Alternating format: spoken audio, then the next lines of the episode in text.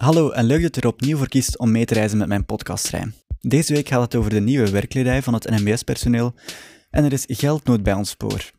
Maar blijf vooral zitten voor een anekdote van mezelf, want ook ik heb deze week last ondervonden bij mijn treinrit.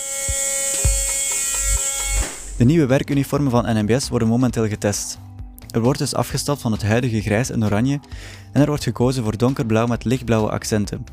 Het uniform moet naar eigen zeggen modern en tijdloos, functioneel en elegant ogen. Maar het moet ook praktisch zijn, zegt woordvoerder Dimitri Temmerman. Het moet comfortabel zitten en sommige delen zijn wat elastischer, zodat ze meebewegen wanneer je op en af de trein moet stappen. En ook met de duurzaamheid is er veel rekening gehouden. Zoals ook aangekondigd werd, zullen nu 30 proefpersonen het nieuwe uniform testen. Zo kunnen er nog aanpassingen gebeuren indien nodig. De collectie bestaat uit een winter- en zomerversie en er is keuze voor verschillende weertypes. Zo hebben vrouwen de keuze uit een broek en rok en kunnen ze voortaan ook kiezen voor een jurk. De NMBS wil het treinaanbod met 4% verhogen. Dat staat in het voorstel dat eind december wordt voorgelegd aan de Raad van Bestuur. CEO van NMBS Sophie Dutordoir heeft dat deze week aangekondigd in de Kamercommissie Mobiliteit. Het huidige vervoersplan is in 2017 ingevoerd en het treinaanbod werd toen met 5% verhoogd. En dat levert ook effectief extra reizigers op, want de NMBS haalde toen 243,9 miljoen reizigers op haar binnenlandse treinen. Dat is 8,5% meer op 5 jaar tijd, verduidelijkt Dutordoir. Voor het volgende vervoersplan, dat vanaf december volgend jaar ingevoerd wordt en loopt tot 2023, stelt de directie van NMBS voor om dat nog eens met 4% te verhogen. Deze uitbreiding is onder andere mogelijk door de nieuwe M7-treinen die binnenkort in gebruik worden genomen. Volgens onze spoorbazen is er ook meer geld nodig om onze spoorwegen up-to-date te kunnen houden. En het gaat niet over een klein bedrag. Het gaat over maar liefst enkele honderden miljoenen euro's. De huidige bedragen die voorzien zijn van onze sporen voldoen namelijk niet. Er zijn de voorbije jaren niet alleen veel banen verloren gegaan, maar er werden ook al moderniseringswerken noodgedwongen uitgesteld. Volgens Sophie Dutordoir gaan we zelfs naar een tekort van 1,3 miljard euro in 2023. Dutordoir wijst ook nog eens op de exclusiviteit die ze wil met de NMBS voor de komende 10 jaar. Ze riep ook bij de overheid op om een lange termijnvisie op te stellen op vlak van mobiliteit. Op basis daarvan kunnen dan keuzes volgen, bijvoorbeeld over het uitzicht van ons spoornet.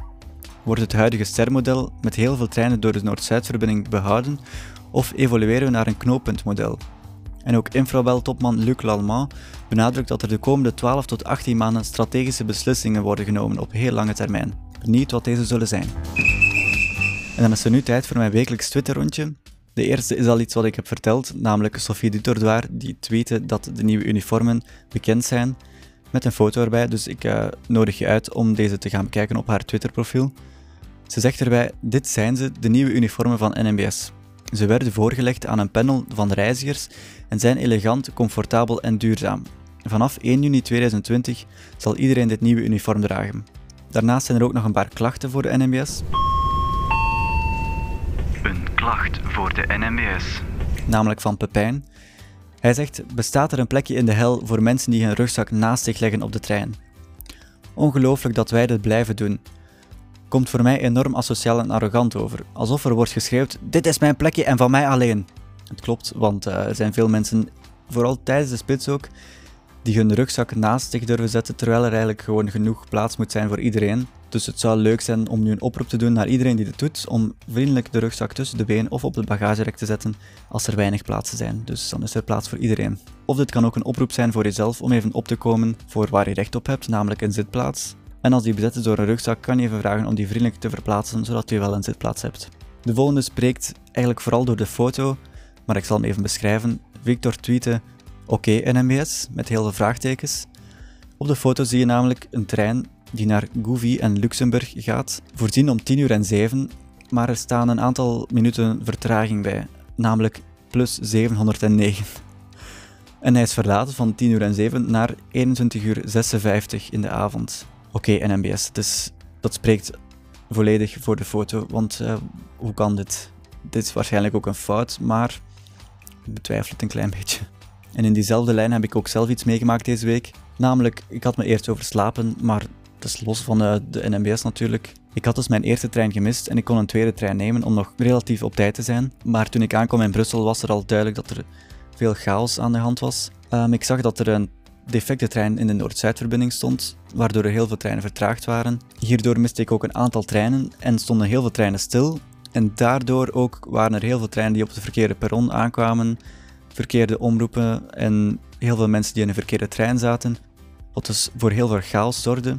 Ik heb er ook een schermafdruk van genomen. De eerste trein was om 8 uur 45, plus 31. Daarna nog treinen van plus 18, plus 30, afgeschafte treinen, plus 26, plus 20. En het liep zomaar op. Uiteindelijk was ik drie kwartier later dan ik normaal gezien zou aankomen, dus dat is vrij jammer. Nu, voor mezelf was het niet zo erg dat ik een beetje te laat was. Maar voor mensen die ergens op tijd moeten zijn, is het wel jammer dat ze zoveel vertraging hebben natuurlijk. Heb je nu zelf iets waarover je wil reageren? Over een opmerkelijke gebeurtenis bijvoorbeeld? Of heb je iets gezien dat niet spoort? Laat het mij dan zeker weten, want dan kom je hier terecht. Je kan een audiobericht inzenden via de link in de beschrijving van deze podcast. En als je zelf niet graag iets inspreekt, dan kan je me ook een bericht sturen via Twitter of Facebook en die vind je ook in de beschrijving. Tot volgende week en nog een prettige reis.